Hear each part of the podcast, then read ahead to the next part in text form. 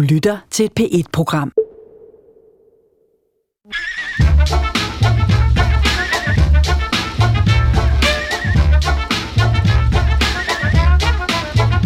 Nogle gange skal man ikke længere væk end til sin egen navle for at forstå historiens gang.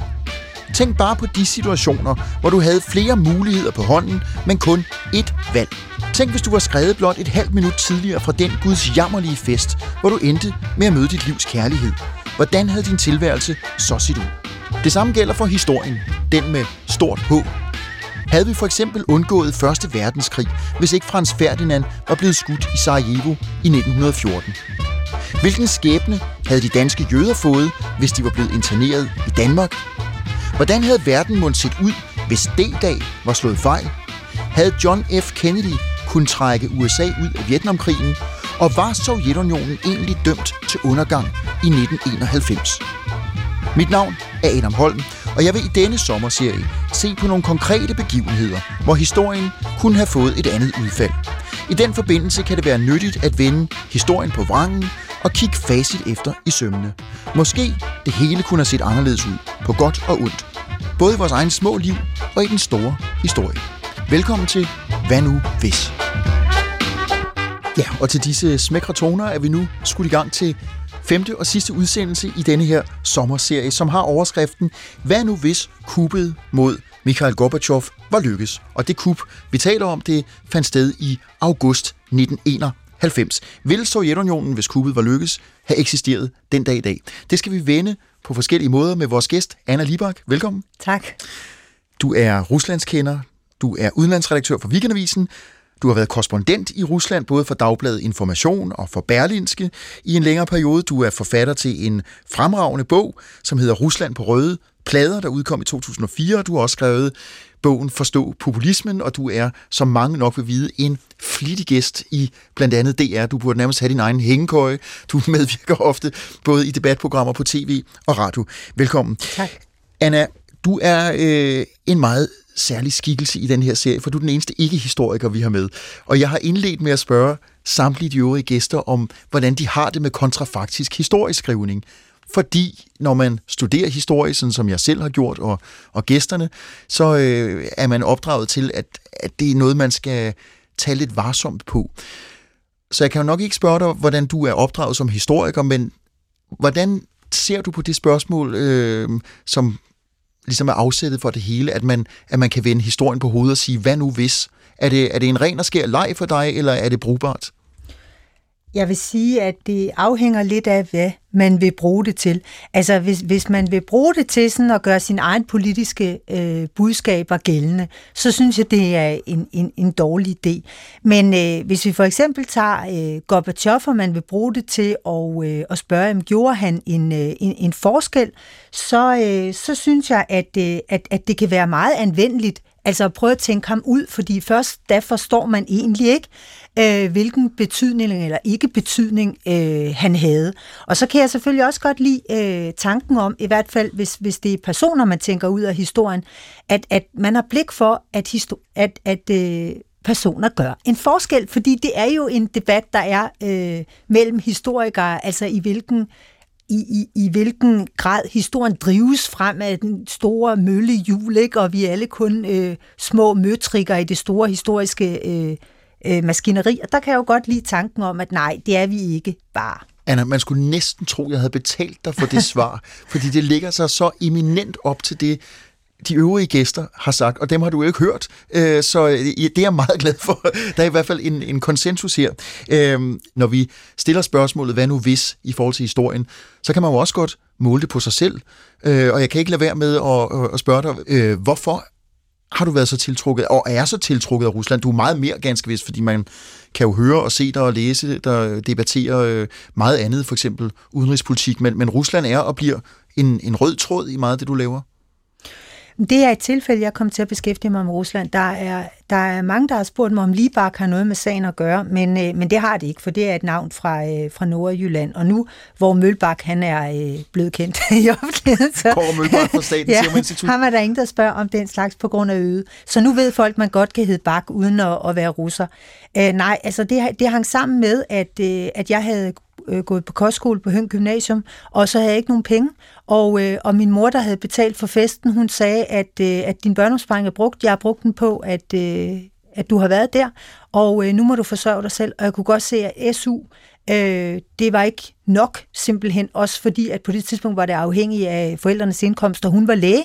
Og øh, så så jeg en annonce i Jyllandsposten, og der stod øh, to øh, soldater i camouflageuniform, øh, og med sløringscreme i ansigtet bøjet over en, en øh, altså, øh, øh, eller de stod ved en pansret landskabsvogn og kiggede på et kort, og så stod der, blive sprogofficer og tjene penge samtidig. Og det eneste, jeg hæftede med, det var det der øh, tjene penge øh, samtidig. og så tænkte jeg, okay, det er den vej, vi skal. Og øh, så undersøgte jeg, hvad man egentlig tjente, og det var jo svimlende summer i forhold øh, til at være ung. Så. Anna Libak, du har tænkt meget logisk. Det er enten SU, eller også så er det SU som Sovjetunionen. øh, så det, det var det sidste, der blev din levevej. Øh, og så lad os øh, gå ind i, i det egentlige, som netop er Sovjetunionen. Og her vil jeg lige komme med lidt fakta, og du må korrigere mig, Anna, og bare springe til, som du har lyst. Men af hensyn til, til lytternes øh, erindring måske, jeg skal for eksempel sige, at Mathias Bundgaard, min gode kollega, som sidder og producerer det, han var øh, knap et år gammel, da det her fandt sted. Så det kan jo være, at der sidder øh, unge mennesker og lytter med. Så for deres skyld om ikke andet. I august 1991, mere præcis 19. til 22. august 91, blev der forsøgt et, begået et kup imod Sovjetunionens daværende leder Mikhail Gorbachev. Det var en såkaldt statslig undtagelseskomité, der forsøgte at tage magten ved at internere Gorbachev i hans sommerresidens på Krim og erklære undtagelsestilstand i Sovjetunionen. Og de her kupmager, de var otte i alt øh, med fremtrædende poster, øh, forsvarschef, øh, indrigsminister, lederen af KGB, den store sikkerhedstjeneste, vicepræsidenten, premierministeren osv. De her otte kupmager, de svor, at de vil gøre kort proces med Gorbachevs politik, perestroika og glasnost, altså åbenhed og, øh, ja, kan man oversætte glasnost, Anna, med, med demokrati? Nej, det er, det er åbenhed. Det er åbenhed, og perestroika, det er så forandring. Ja, det er genopbygning. Ja, okay, godt. Jamen, så er allerede her øh, bliver jeg korrigeret, men kubmagerne vil i hvert fald gøre op med de her centrale begreber, som øh, Gorbachev havde ført i marken, perestroika, øh, omstrukturering og glasnost åbenhed.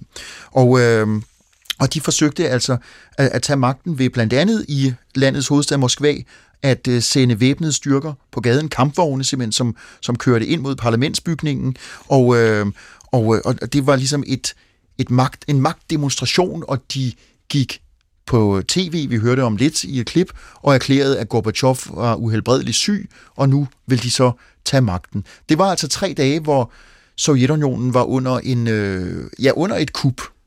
Det gik ikke sådan, og det kommer vi ind på senere, hvorfor det ikke gik sådan, blandt andet fordi flere end en million mennesker gik på gaderne og, og protesterede, og det blev faktisk en, en folkelig manifestation imod det, der på papiret var den militære overmagt. Men hensigten var i hvert fald at kuppe Gorbachev og hindre hans, i kubmagernes øjne, øh, demokratiseringsproces af Sovjetunionen. Et Sovjetunionen, som også var i færd med at skvatte fra hinanden med republikker, der udråbte sig til selvstændige nationer. Er det nogenlunde rigtigt opsummeret, Anna?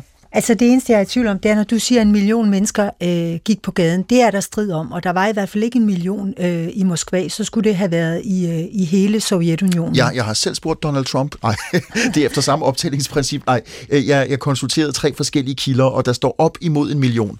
Øh, og det er muligvis ikke i Moskva, nej, det har du ret i, det er over Sovjetunionen. Men store manifestationer øh, eller folkelige opbud i Moskva. Det korte er lange, og nu håber jeg ikke, at lytterne, hverken de yngre eller ældre, er blevet alt for forvirret. Det her kupforsøg, som i tre dage i hvert fald rystede Sovjetunionen, endte jo ikke, som kupmagerne havde ønsket. Og det vi skal ind på, Anna, og det er sådan den kontrafaktiske øvelse her, det er, hvis de var lykkes med deres kup, vil de så have fastholdt det Sovjetunionen, vi kender? Det kommer vi til. Allerførst vil jeg spørge dig, for nu lige at bygge historien op. Det Sovjetunionen, som Mikhail Gorbachev stillede sig i spidsen for i 1985, da han bliver Sovjetunionens leder. Hvad er det for et land? Ja, jamen det er jo det land, som man øh, kaldte man det øvre Volta med atomraketter. Var det det, man kaldte det? Altså det var, det var et, øh, et, et, et land, som, øh, som øh, var stagneret. Det var det.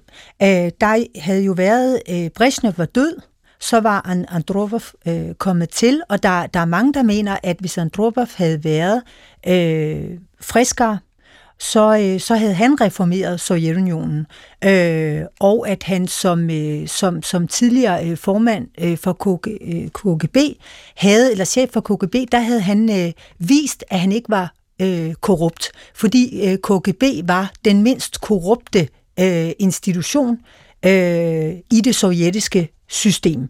Øh, det blev hævdet på det tidspunkt. Altså, det var det renommé, det havde, at man kunne, man kunne simpelthen regne med øh, tjekister, så brutale de end, øh, de end var, at så øh, var det ikke for egen vindings skyld, at, øh, at de var i tjenesten. Men, øh, men han gik jo hurtigt bort, og øh, så han pegede på Gorbachev. Øh, og man mente så, at Gorbachev var for ung, og så kom øh, Tjernenka så til.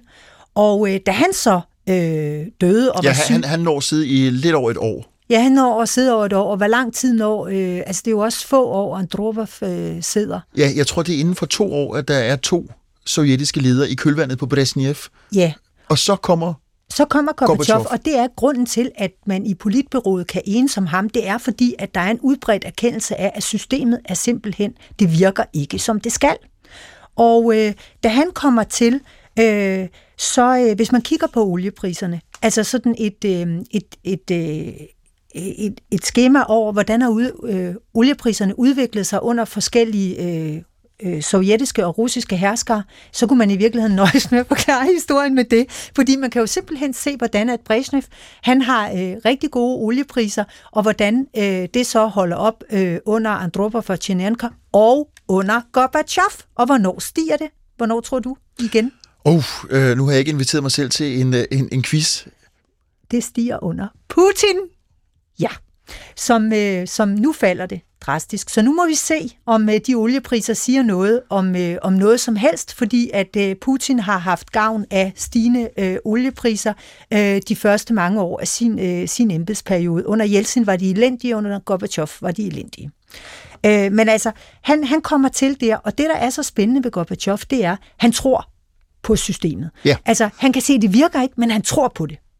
Så bare lige for at øh, få det etableret, Anna, for det kan jeg jo høre nogle gange, når man øh, taler Gorbachev, og man, det er så folk øh, på, på vores alder, som var unge dengang. Altså, øh, der er jo en, en, i Vesten en meget stor veneration for Gorbachev, og en veneration, som også bygger på, at han var nok ikke en rigtig kommunist. Men når man læser om Gorbachev, læser hans erindringsværk eksempelvis, så fremgår det, og det, det du så siger med, at han tror på systemet, han er en vaskeægte kommunist. Altså, der er ikke noget at, og, øh, nogen slinger i valsen. Nej, slet ikke. Altså, han tror på det rent ideologisk. Han tror, at klassemodsætningerne er blevet ophævet. Og det vil sige, at hvis systemet er ineffektivt, så sker der sådan set ikke noget ved, at man jamen, omstrukturere det, og at, at man tillader en, en større grad øh, af åbenhed øh, som, øh, som forudsætning for, at man kan rette de systemfejl. For han forestiller sig ikke, at folk nogensinde vil væk, øh, vende ryggen til socialismen. Og det er jo også præcis med, med at øh, det, der får ham til at sige,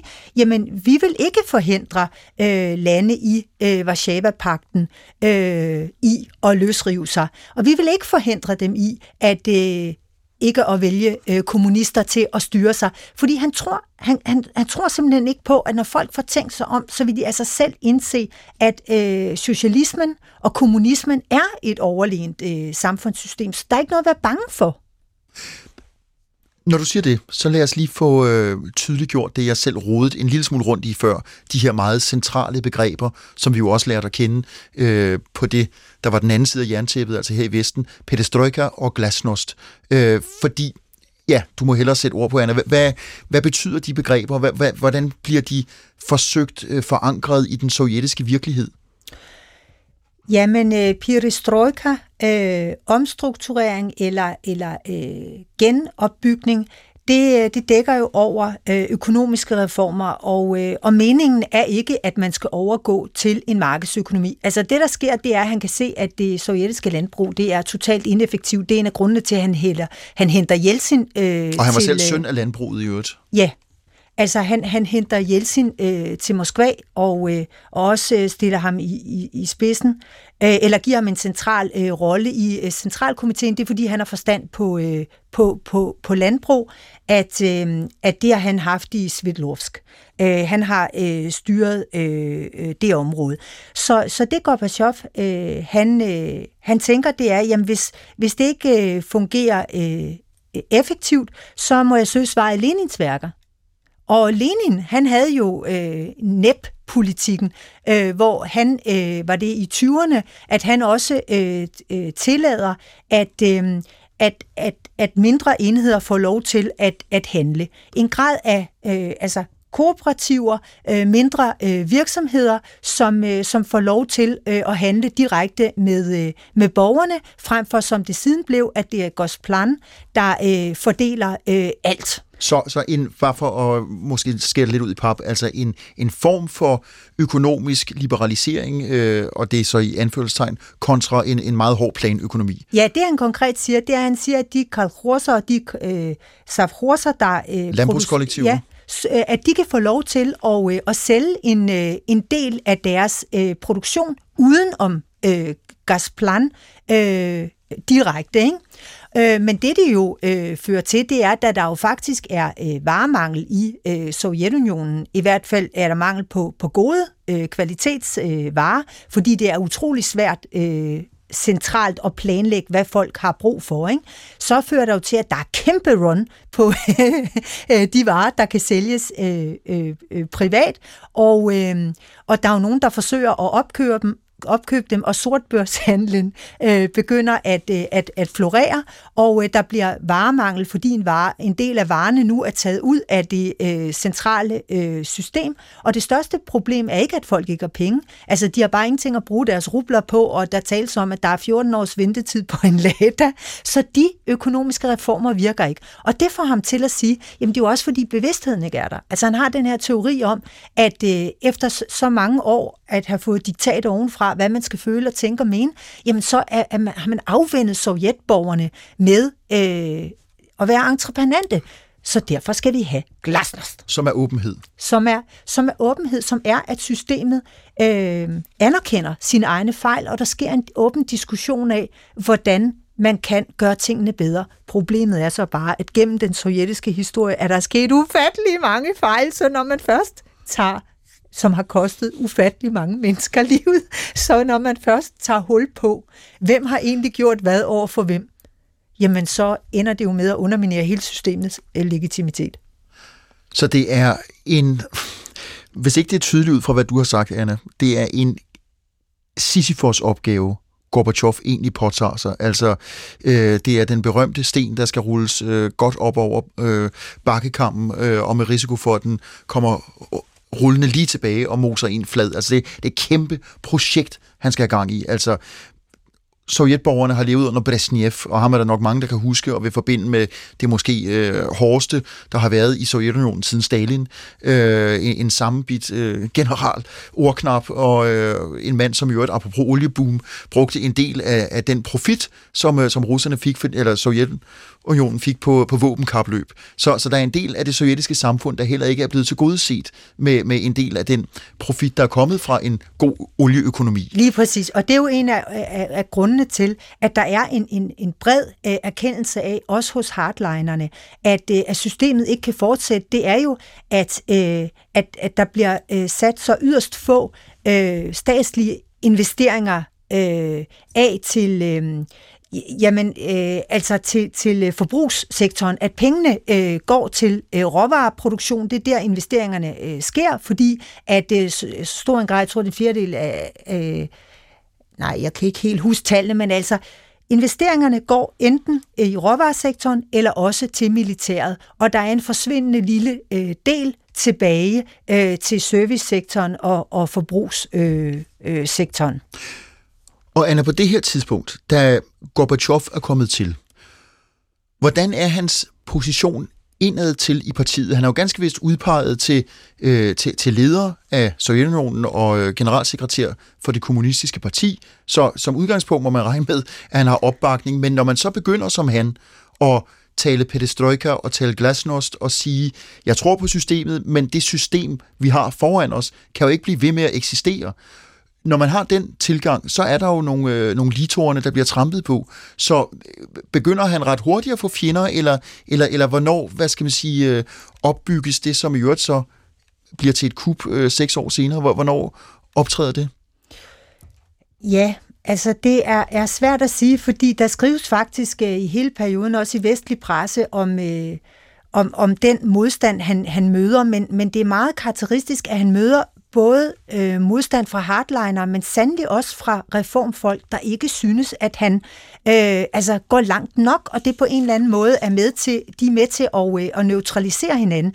Og det han også er, er så god til, det er at, at udskifte på poster. Altså, øh, jeg, jeg, jeg har hørt at mange øh, russiske historikere sige, altså han, han skifter en stor del folk ud på de centrale poster i løbet af den allerførste tid, og det lykkes han egentlig med, fordi erkendelsen af øh, reformbehovet er stort. Der er nogle nye, der skal til. Og den generation, han bringer ind, altså han bringer blandt andet Jeltsin ind, ikke, som er jævnaldrende med ham. Ikke? Og det, de jo har til fælles, det er, at det er begge to mænd, Øh, ikke som den tidligere øh, generation af, af sovjetledere, der, øh, der overlever Stalins og er Stalins, øh, hvad, hvad skal man sige, håndlanger, eller de overlever øh, øh, ham. Øh, nej, altså dem, det, det her, det, det er mænd, og det har Jeltsin og Gorbachev jo øh, til fælles, at, at deres øh, øh bedste forældre, Gorbachevs, øh, både Gorbachevs morfar og Gorbachevs øh, øh, farfar, øh, er jo øh, øh, bløde, altså det man på russisk kalder repressirovanne. Altså øh, de er, øh, den, den ene har været offer for øh, kollektiviseringen, og den anden er blevet anklaget for trotskisme, da øh, udrensningerne af partiet kommer. Det er så fordi, i Stalin-perioden i, i starten af 30'erne? Ja, det er i starten og slutningen af 30'erne. Du har øh, kollektiviseringen i midten af, af, af 30'erne, øh, hvor at, øh, jeg tror, det er øh, morfaren, øh, der anklages for at holde høsten tilbage. Øh, og, øh, og det er så hans, øh, øh, hans øh, farfar, eller også er det omvendt, der anklages for at være troskist, da Stalin går i gang med at udrense i, i selve partiapparatet, hvor han har været en, en, en, en tro mand. Øhm, og de vender, øh, de vender tilbage, altså de overlever det, men ikke desto mindre, det præger Gorbachev, og det har han sagt. Og på samme måde har Jeltsin givet øh, udtryk for, at et af, af hans øh, bedste øh, fædre bliver også øh, offer øh, for kollektiviseringen. Så det er folk, der er vokset op med de negative sider, øh, printet ind i deres øh, familiehistorie, og i erkendelse af, at der skal ske noget. Der, mm-hmm. skal, der skal simpelthen ske noget. Og der sker noget. Og Gorbachev bliver i hvert fald i vores del af Europa, der hvor han jo ikke kan lave så mange forandringer, som man kan i Sovjetunionen, uhyre populær. Vi skal lige høre en lille snas med Gorbachev. Det er en sang, som han øh, sang til sin kone, øh, sin højt elskede hustru gennem 46 år rejser, og den er ganske vist sunget meget adskillige år efter, at Gorbachev øh, mistede magten, men det, det er bare lige for dels at hvile ørerne, og dels for at, at komme videre med spørgsmålet om Gorbachevs popularitet. Запыленной связки старых писем Мне случайно встретилось одно Где строка, похожая на бисер Расплылась в лиловое пятно Что же мы тогда не поделили? Разорвав любви живую нить И зачем листкам под слоем пыли Счастье наше отдали хранить? Храня так много дорогого Чуть пожелтевшие листы Как будто все вернулось снова Как будто вновь со мною ты Все давно прочитаны страницы. Только я не знаю почему. Сердце, словно раненая птица Тянется к измятому письму. И как будто позабыв разлады Ты мне улыбаешься опять. Почему? Нет, никогда не надо. Письма наши старые читать храня так много дорогого. Jeg ved ikke, hvor mange øh, tidligere danske statsminister, der kan synge så godt. Nej, Det, det var imponerende. ganske vel fremført, øh, og i en øh, ret høj alder, som nævnt. Det var Gorbachevs kærlighedssang. Det er vist nok den afdøde hustru Reisas yndlingssang, han her øh, sang. Og øh, det er heller ikke det, der er vigtigt her. Det var kun for lige at blive mindet om, øh, hvorfor vi kan sidde og smile af ham. Det gjorde vi også i, øh, i slutningen af 80'erne i Vesten, som jeg har sagt. Men hvad med i Sovjetunionen? Var han populær der? Var han lige så populær, som han var på vores side af jerntæppet? Man kan sige, som, øh, som, som generalsekretær, der, øh, der tror jeg, at mange har støttet ham, fordi at øh, man, var, altså, man, man, man var træt af at leve i en kasernestat, og det blev tiltagende klart for folk, at øh, man, der var en højere levestandard i Vesten. Og det bygger jeg på, at, øh, at øh, i 90, altså mens han stadig var med magten, der besøgte jeg selv Sovjetunionen, og der var alle, der kom fra Vesten, stormende populære, som skal ikke underkende, at der også var et stort ønske om reformer hos befolkningen, men efterfølgende, da Sovjetunionen øh, så brød sammen, og, øh, og, og Jeltsin-årenes kaos øh, bryder ud, der øh, blev han vanvittigt upopulær. Altså han stillede jo op Gorbachev. som... Ja, Gorbachev, han stillede op som præsident, øh, fordi han ikke kan holde Jeltsin ud i, i 96. Han ønsker ikke, det skal blive en kamp mellem Jeltsin og kommunisten Sjuganov, så stiller han op, han får en halv procent af stemmerne. Og nu, nu tror jeg nok, at øh, det var heller ikke en færre valgkamp, men alligevel. Det var, det var ikke sådan, at der var en rigtig mange mennesker, der ville have stemt på Gorbachev. Så havde var han, så han fik en halv procent af stemmerne, da han stillede op ved præsidentvalget i 96. Og du kan ikke snakke med, altså de fleste russere, du snakker med i dag, de, øh, ej. og det er jo fordi, at, at øh, det er jo fordi, at Jamen altså, hvad er fortællingen om, øh, om, om Sovjetunionen? Jamen det er, at man beherskede en sjettedel af, af, af jordens øh, overflade.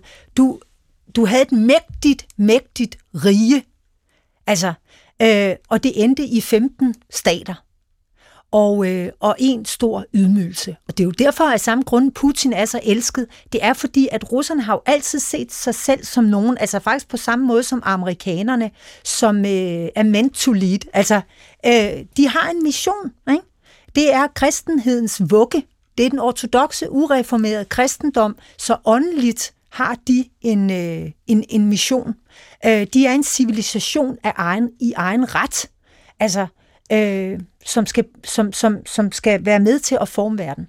Men nu har vi jo ikke sat årstal på, men, men vi er jo i den periode, der hedder 85 til 91. Det er der, Gorbachev øh, står i spidsen for Sovjetunionen. Det, det er jo også ham, det kommer vi til øh, lidt senere, som må lukke og slukke øh, med en øh, i og for sig lidt prunkløs afskedstale. Men, men i det her forløb, det er jo nemlig ret kort. Det kan man, man nu peger på mig selv, nogle gange glemme, fordi det var så tumultariske år, der synes, og øh, altså et, et øh, år synes at fylde for 10 år. Der, der skete enormt meget i, i hele den her omstrukturering. Øh, men Gorbachev sidder der ikke særlig lang tid. Øh, og, og han forsøger med sin glasnost og perestrojka, og han har øh, han har nogen held, især på den udenrigspolitiske scene, øh, hvor vi i hvert fald igen i Vesten ser ham som central for afviklingen af den kolde krig. Men, men der, hvor jeg vil hen, Anna, det er jo, øh, at han skaber sig fjender ind til. Det er jo derfor, der kommer det her kup i august øh, 1991, 19. til 22. august 91. Og det kan vi lige så godt øh, gribe fat i, fordi det er jo det, der er centralt, og som også vil være det kontrafaktiske spørgsmål. Hvad nu, hvis kupmagerne var lykkedes med deres forhævne? Så lad os først lige få sat nogle ord på, hvem er de kommunister, som ikke vil længere have Gorbachev som øh, leder af Kommunistpartiet, og derfor øh, siger, at, at nu, nu må de sætte sig i spidsen. Hvem er de, og hvad er det, de ønsker? Jamen, det er folk fra, øh, fra Centralkomiteen og øh, fra, øh, fra KGB, og også fra øh, den, den øverste øh, Sovjet og fra, øh, fra hæren. Øh, og det er jo nogen, som vil forhindre, at, øh, at der bliver underskrevet en ny unions øh, traktat, som vil lave øh, Sovjetunionen om til en konfederation, hvor unionsrepublikkerne øh, har en helt anderledes højere grad af selvstændighed. Sovjetunionen bestod af 15 republikker. Ja, og øh, det er meningen, at, øh, at Moskva stadig skal øh, sidde på øh, udenrigspolitikken og forsvarspolitikken, men ellers så får man simpelthen øh, meget hvide beføjelser til at øh, udvikle sig forskelligt. Så hvis vi skal oversætte det, og måske firkantet, nu må du sparke mm. skinbenet, så er det lidt ala rigsfællesskabet herhjemme. Altså, at, øh, at vi, øh, Danmark, i, i store træk styrer den grønlandske udenrigspolitik, øh, men ellers så kan de langt hen ad vejen få lov til at passe sig selv ja. op i Grønland. sådan kan du godt, øh, ja, det kan du sige. Og, øh, og det vil de Øh, den skulle underskrives den 20. august. Og det er jo derfor, de få øh, dage forinden øh, forsøger at, øh, at tvinge Gorbachev til øh, faktisk at gå af med, hensyn, med henvisning til, at, øh, at, at han er syg, øh, og at, øh, at landet skal sættes i undtagelsestilstand. Øh, øh, altså, de håber, de har siden sagt, at øh, han kunne godt blive som præsident, hvis han anerkendte præmissen om, at, øh, at den, øh, den traktat, den skulle ikke øh, underskrives. Så de, øh, de kræfter, du har nævnt, som er øh, centralt placeret, altså det er blandt andre en, du selv har interviewet, nemlig øh, den daværende premierminister Valentin Pavlov, øh, det er KGB's chef, det er indrigsministeren, øh, det er vicepræsidenten øh, Janajev, tror jeg han hedder, du må korrigere udtalen. Janajev, ja. Janajev.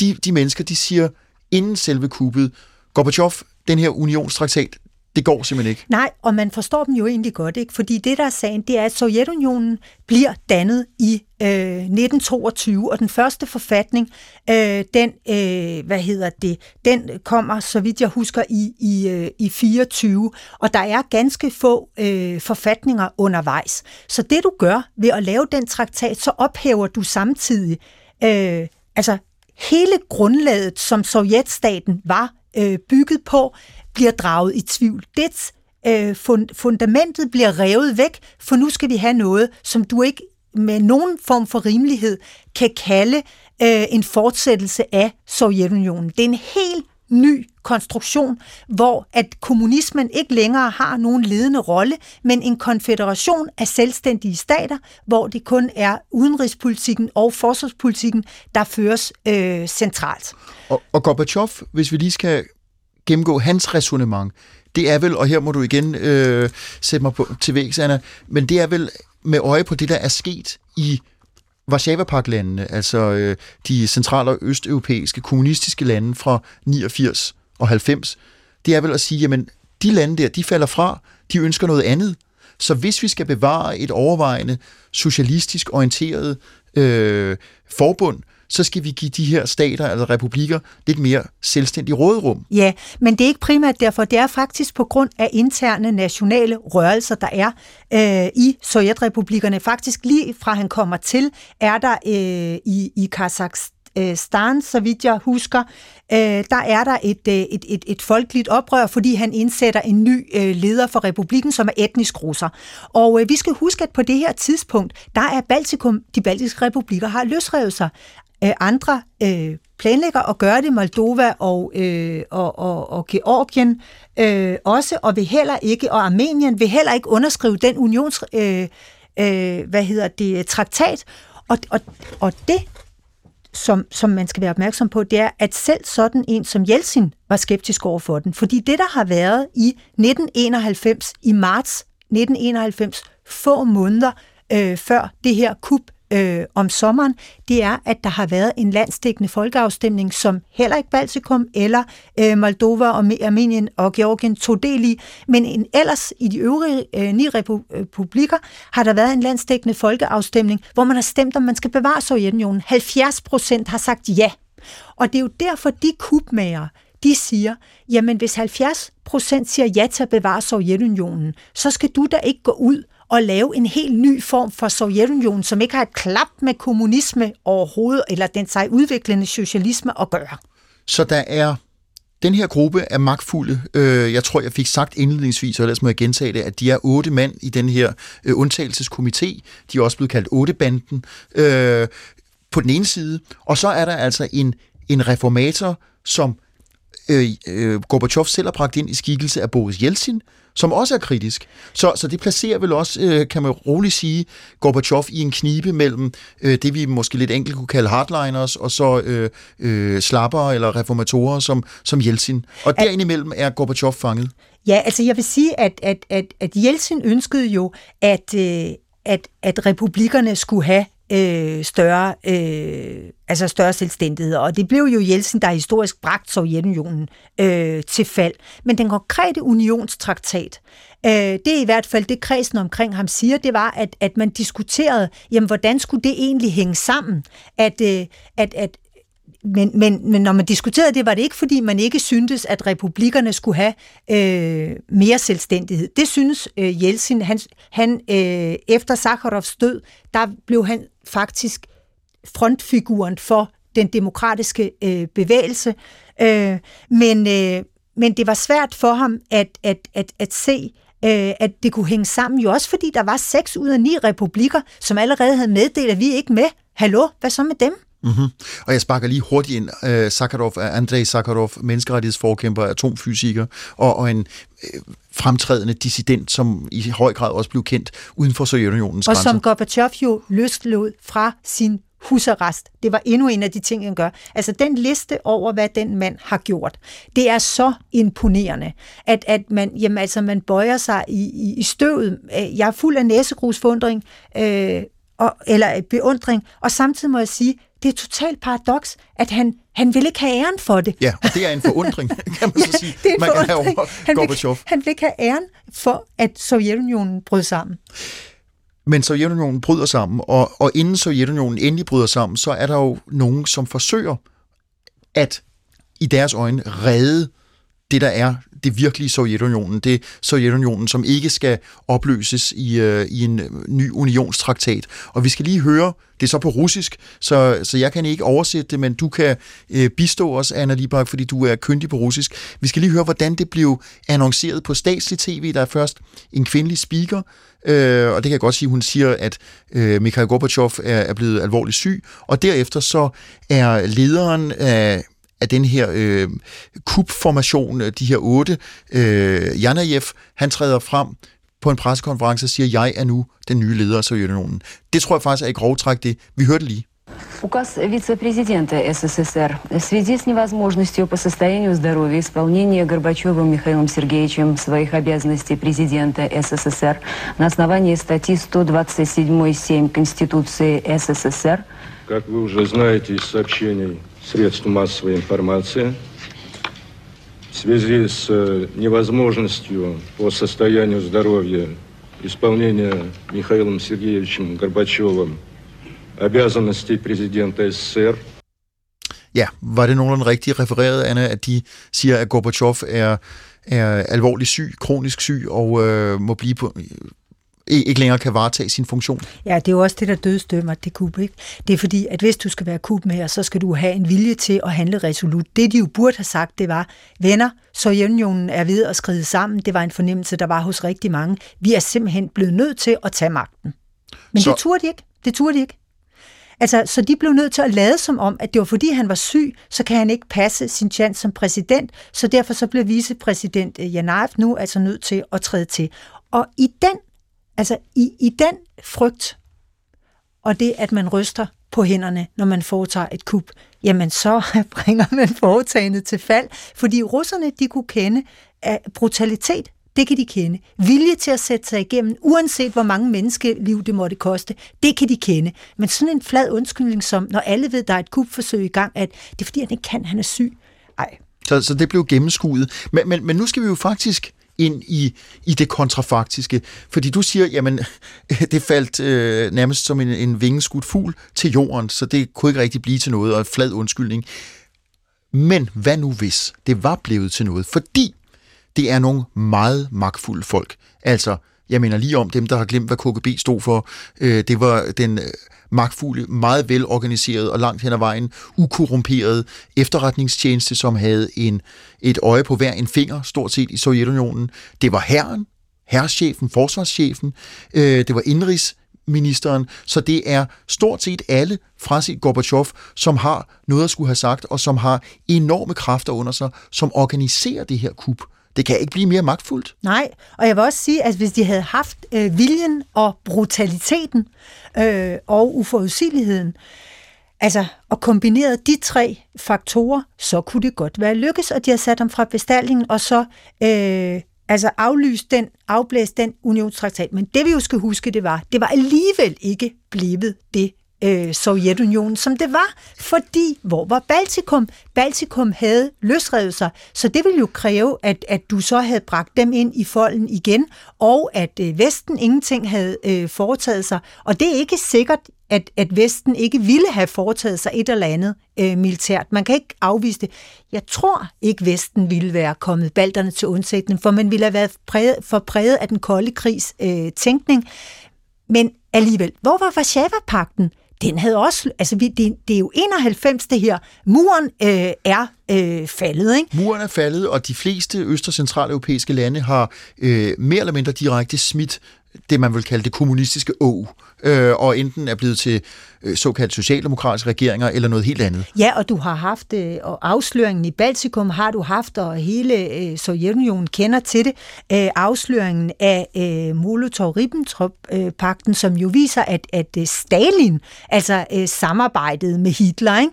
Og, øh, og det er jo det øh, fundamentet for, for den, den øh, nationale stolthed. Jamen det er jo øh, sejren over øh, altså Hitler i 2. verdenskrig. Ikke? Og du har haft Kartin af de polske øh, Massakren på de polske officerer. officerer, ikke? Den ene afsløring øh, efter den anden. Så den legitimitet, øh, som systemet havde før, har det ikke længere. Kommunistpartiet er sat fra øh, bestallingen. Der står ikke længere indskrevet i forfatningen, at det har en, øh, en, en, en ledende øh, rolle. Altså, han havde jo ødelagt det. Men Anna, nu, nu må du ikke ødelægge øh, ånden i den gode leg her. Nej. Fordi du er, og i og for sig heldigvis, øh, alt for realistisk. Men jeg vil godt lige holde fast i, hvis nu, hvis nu kubmagerne havde haft den brutalitet, du siger, de manglede, og den uforudsigelighed og den øh, hårdhed til at gennemføre planen, hvad var det så for et Sovjetunionen, de ønskede?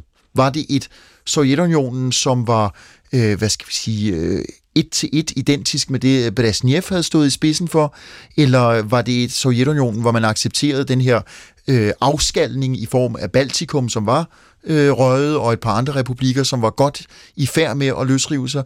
Hvad, hvad, hvad forestillede de, de her otte kubmager så? Jamen, de forestillede sig, øh, altså, nu, vi må jo skælde mellem, hvad de ønskede sig og hvad de realistisk set kunne opnå. Det, de ønskede sig, var selvfølgelig, at alle 15 republikker fortsat var samlet i Sovjetunionen, at der fortsat var et Varsava-pakten, at man havde råd til det rustningskapløb, så man kunne udvikle noget som svar på øh, Reagans øh, øh stjernekrigsprojekt, øh, at de dominerede verden, som, som man havde gjort det i sin øh, velmagtsdag. Det var det, de ønskede sig.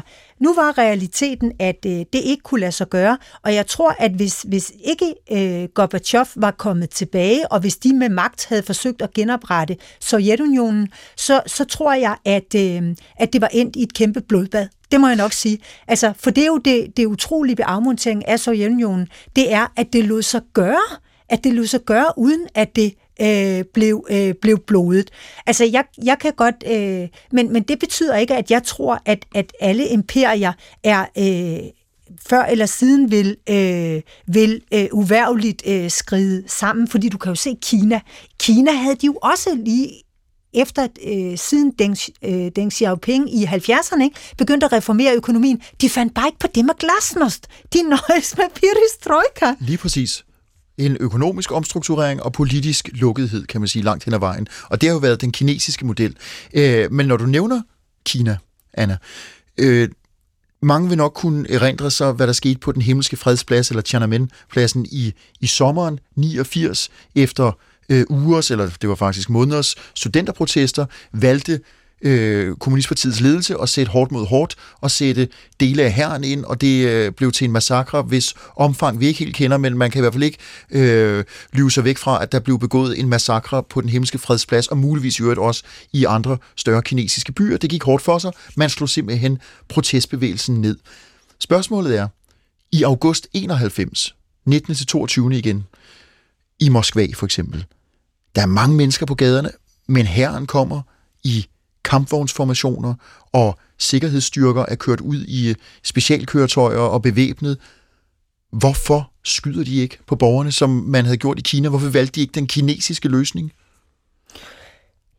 Jeg tror, det, det er fordi, at, øh, at forandringerne allerede er for store. Altså, der var jo en del af hæren, som nægtede at adlyde Taman-divisionen, øh, ikke? nægter at adlyde, og samtidig er du i den situation, at Rusland har fået valgt sig en præsident, altså den russiske republik, den ene af de, fem, øh, af de, af de, af de 15, og det er jo Jeltsin. Og, øh, ja, han sidder nemlig som russisk præsident. Han sidder som russisk øh, præsident, og han kaster sig ind i, i, øh, i opgøret med øh, kubmagerne og øh, siger, at det her er et kub, og vi vil have øh, Gorbachev øh, tilbage, og vi vil ikke øh, finde os i det. Det der, han står foran det hvide hus øh, på, på kampvognen. Øh, og jeg skynder mig igen lige at korrigere det hvide hus i Moskva, ja, det, sådan så nogen ikke skal tro, at det er Washington. Øh, ja, øh, det hvide hus øh, i Moskva, og det øh, de ikke tør, det er, at når du har præsidenten for den største og den konstituerende unionsrepublik stående på en kampvogn og tordner mod øh, kubmagerne, så må man bare sige, at øh, så, så svinder troen på, at det her kan lade sig gøre uden en borgerkrig. Og der skal vi jo igen huske, at lige siden Gorbachev var kommet til, så havde der været nationale øh, oprør rundt omkring i de enkelte øh, republikker, som havde krævet mere selvbestemmelse, og det var endt i, at 6 ud af 15 øh, republikker ikke øh, vil underskrive den unionstraktat, som Gorbachev planlægger. I sådan en situation, der må man bare sige, at der, der, er, der er alt på plads til en full-scale borgerkrig, og der tør de ikke. Nu er det her program jo videt til at diskutere nogle af de veje, som man, historiens aktører, ikke gik af. Vi ved, hvilke veje de gik af. Vi kender facit. Men i det her tidsrum, vi taler om, Anna, 19. til 22. august, hvor det er meget skrøbeligt, altså hvor, hvor der virkelig er ja. forskellige øh, magtgrupperinger i spil over for hinanden. Ved vi, ved du, om der er nogen i den her gruppe af otte kubmager, virkelig centrale, magtfulde folk, som har en diskussion indbyrdes, hvor nogen siger, nej, ved I hvad, nu bliver vi nødt til, hvis vi vil have vores omelet, og knuse de her æg. Hvis vi vil have det Sovjetunionen, vi ønsker, så bliver vi også nødt til at, at sætte, øh, altså, gøre det måske utænkelige, nemlig skyde på vores egne borgere. Ved vi, om der er den diskussion, Jamen, det, eller, den diskussion, eller lader de sig jeg, affeje? Og jeg tror, en af dem, som er hardlinerne, det er, øh, men altså, det er, det er godt belyst, så du må ikke hænge mig op på det, men jeg tror, Khrushchev, der er KGB, øh, øh, Vladimir KGB, Khrushchev. Ja, jeg tror, at han er en af dem, der siger, at det skal vi gøre. Men samtidig så har du så en, som jeg, ham, øh, jeg interviewede, Valentin øh, Pavlov, der var, der var premierminister, der ikke dukker op på pressekonferencen, fordi han ligger i sprut. Han kan hans nerver kan ikke, øh, kan ikke holde til det. Han har det ikke øh, i sig at være øh, kubmager. Ikke? Og øh, så der er, øh, altså, der er psykisk, der har de ikke det, der skal til øh, i den komité. Ja, du har jo faktisk, du er selv inde på det, du har interviewet en af de centrale kubmager. Det gjorde du 10 år efter kupforsøget. Øh, øh, Valentin Pavlov, altså du nævnte også, at han var premierminister. Øh, og i det interview, som du lavede for Berlinske, der siger han jo meget bemærkelsesværdigt, ej, altså Jeltsin og alle andre har haft travlt med at fremstille os, som om vi var gammelkommunistiske hardliners, der bare ville det gamle Sovjetunionen. Det var slet ikke det, vi ville. Nej. Og i det ellers glimrende interview øh, bliver man lidt i tvivl om, sådan som jeg har læst det, hvad det så egentlig er, de vil. Altså, Nej, det siger han meget klart. Vi vil bevare Sovjetunionen. Vi vil ikke have en ny øh, unionstraktat. Men det er også gammel nyt... kommunisme, vel?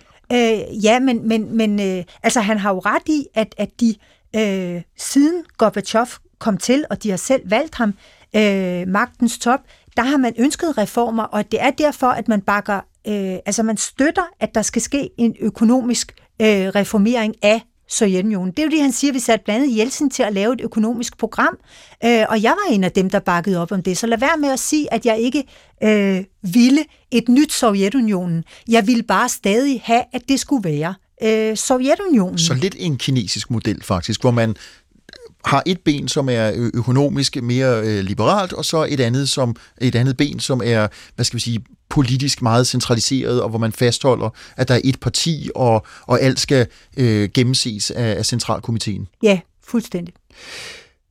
Anna, som jeg hører dig, når vi nu, øh, jeg prøver hele tiden at kredse om det kontrafaktiske, der er ikke rigtig noget, der i de her tre afgørende dage i Sovjetunionens historie tyder på, at kubmagerne kunne have sat sig igennem for alvor. De tror ikke rigtigt på det selv. De er ganske vist gået sammen, øh, og de repræsenterer magtfulde instanser, som jeg har sagt nogle gange, men de har simpelthen ikke for alvor tro, når du bringer også med Pavlovs øh, eksempel øh, det, det psykologiske ind. Altså, der, der er for mange forskellige psyker på spil. Så kan vi sige, øh, at, øh, at vi vil ikke i august 91 øh, have stået med et nyt Sovjetunionen, eller et, han er sagt, et, et gammelt eller velkendt Sovjetunionen. Det, det er simpelthen ikke rigtigt på tegnbrættet, selvom at det bliver forsøgt lanceret. Nej, man havde ikke kunne bevare øh, Sovjetunionen, men det havde sagtens kunne udvikle sig anderledes. Altså, de havde, de havde kunne slå det ned med magt, men før eller siden ville det have resulteret i nationale øh, opstand, det er jeg ret sikker på, hvor enkelt republikker øh, ville have gjort øh, oprør mod, øh, mod myndighederne. Øh, så det, altså jeg mener, man kan takke Gorbachev øh, øh, for, uanset om øh, han ønsker at øh, stå som fader til afviklingen af Sovjetunionen eller ej, det er, at det her foregik ublodet. Det, det er fuldstændig fantastisk, og det er, fordi der kommer en mand, altså, og det er jo historien om Gorbachev, der vil bevare Sovjetunionen alt imens han afvikler den. Fordi han ikke har forstået det helt grundlæggende, at folk ikke frivilligt lever på den måde. De lever sgu kun på den måde, fordi det er diktatur. Ja, lige præcis. Gorbachev kommer tilbage fra sin dacha, fra, øh, fra det her øh, ufrivillige eksil, eller det er i hvert fald gået fra at være en, en lille ferie til at blive et ufrivilligt eksil, kommer tilbage, og så er der så øh, en længere øh, politisk proces, øh, hvor kubmagerne er kørt til siden, øh, sat ud af spillet, men hvor spillet er mellem Yeltsin og Gorbachev. Og hele det her meget komplicerede spil kan vi slet ikke nå at komme ind på, for der er ikke mere end et par minutter tilbage. Men det resulterer i hvert fald i, at Gorbachev sådan set får lov til at lukke og slukke den 25. december, altså øh, øh, juledag 1991, med de her ord. Я покидаю свой пост с тревогой, но и с надеждой, с верой в вас, в вашу мудрость и силу духа. Мы наследники великой цивилизации – И сейчас от всех и каждого зависит, чтобы она возродилась к новой, современной и достойной жизни. Ja, jeg vil ikke påtage mig at referere præcis, hvad Gorbachev siger, men det er berømte ord, øh, og man vil kunne finde ordlyden øh, rundt omkring. Han lukker simpelthen og siger, øh, at det er med sorg i hjertet, men, men det bliver nødt til at være sådan her. Kort, hvad kunne han have gjort anderledes, Gorbachev? Oh, det er et, et stort spørgsmål. Altså, jeg ønsker mig ikke, at han havde gjort noget som helst anderledes. For jeg tror, at hvis han øh, havde ønsket at reformere øh, eller at afskaffe kommunismen, så var det aldrig nogensinde lykkedes for ham. Det var kun fordi han var troende kommunist, at det lykkedes ham at overbevise både troende øh, kommunister, øh, men også øh, de reformister, som kunne se, hvad han foretog sig, øh, om at, øh, at hans projekt var en god idé. Altså, og det var det, var det der, øh, der men, men det han jo siger, øh, det er, at øh, jeg forlader min øh, post for uroliget. I det fremgår fuldstændig øh, klart, at det her sker ikke med, øh, med hans gode vilje, og at opgaven nu består i at, øh, at genrejse civilisationen, som han kalder det, fordi vi aftager til en stor civilisation, og det er jo også Sovjet-civilisationen, han taler om, at det er den, vi aftager til, og den, vi skal genrejse. Man må så sige, at Putin arbejder jo på det i dag, ikke ideologisk, men på, på anden vis, i at genskabe øh, statens øh, magtfulde rolle men det billiger Gorbachev så heller ikke. Og apropos Putin, Anna, her på faldrebet, jeg har set ham citeret for at sige, at hvis kuppet i august 1991 var lykkedes, så havde han ikke i dag været præsident, men taxachauffør. Hvad mener han med det? Han mener formentlig, at så havde der ikke været brug for, at øh, han løste den opgave, øh, som øh, han gør, men man kan være sikker på, at han også mener, at der er brug for ham som, øh, som præsident i dag, fordi han har jo sagt, at den største geopolitiske katastrofe, verden har kendt i det 20. århundrede, det er Sovjetunionens sammenbrud. Det er en, øh, et tungt å at bære for den nu 88-årige Gorbachev, men øh, vi har samtidig noget at takke ham for, og jeg vil også takke dig, Anna Libak, for selvom det er meget kompliceret historie, at have gjort os klogere på kuppet i 91 og de muligheder, det, det rummede, og, og det, som det heldigvis ikke blev til. Tak for det. Det var en fornøjelse. Og dermed er vi kommet til vejs ende med den her sommerserie. Teknikken og øh, den reaktionelle sparring blev varetaget af min kollega Mathias Bundgaard. Sommerseriens redaktør er Ida Holten Ebbesen. Mit navn er Adam Holten. Vi slutter den her serie jeg vil lige sige, hvad ellers med det tyske band The Scorpions og deres øh, i mine ører ikke alt for lækre, men dog meget legendariske post koldkrigshit The Wind of Change. Tak herfra. Follow the Moskva down to Gonky Park, listening to the wind of change. An August summer night, soldiers passing by, listening to the wind of change.